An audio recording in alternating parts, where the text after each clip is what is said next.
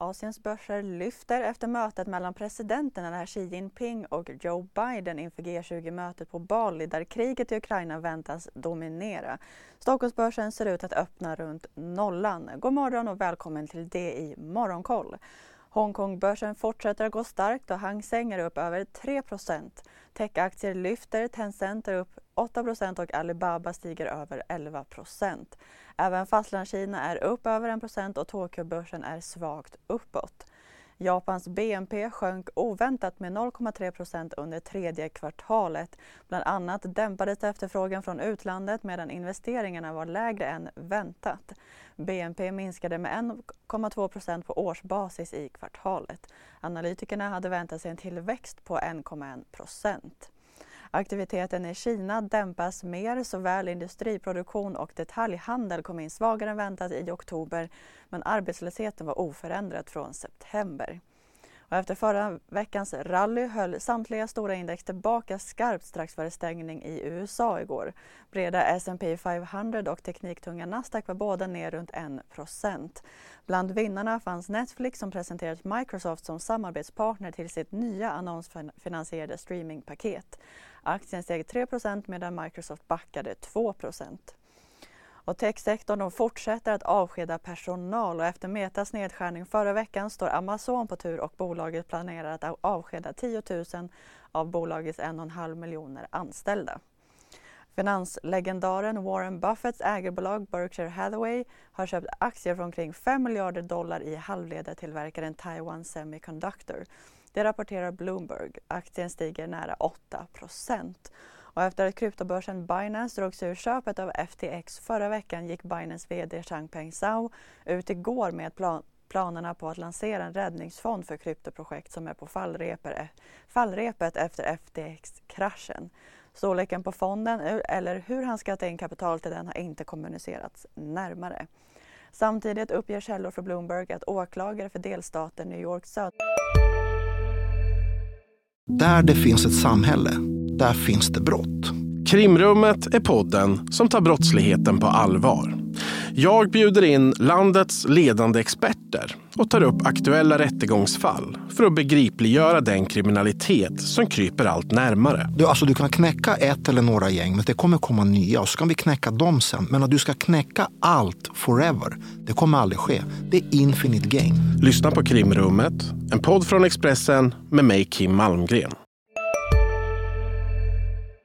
distrikt utreder omständigheterna kring FTX kollaps.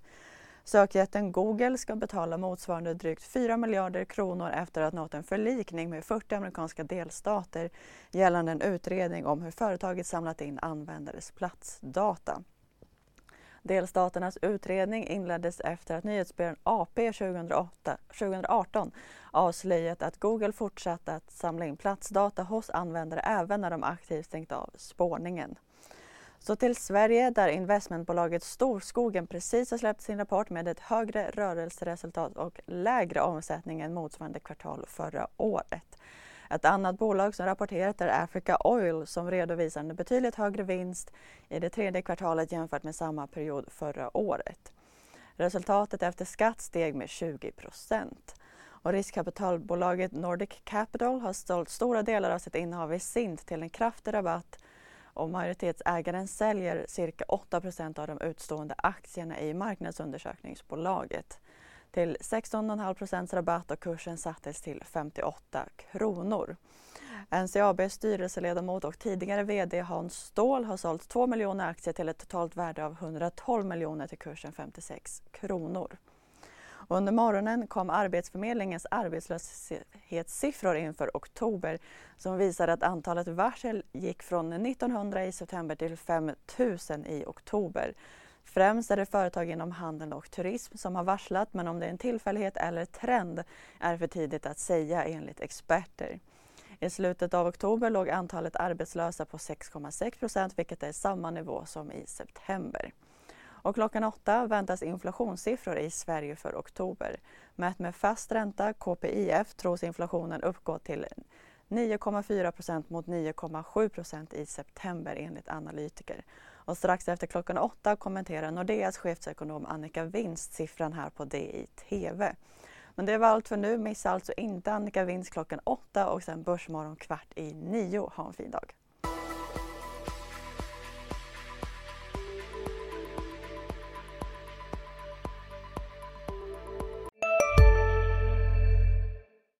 Vi är specialister på det vi gör, precis som du.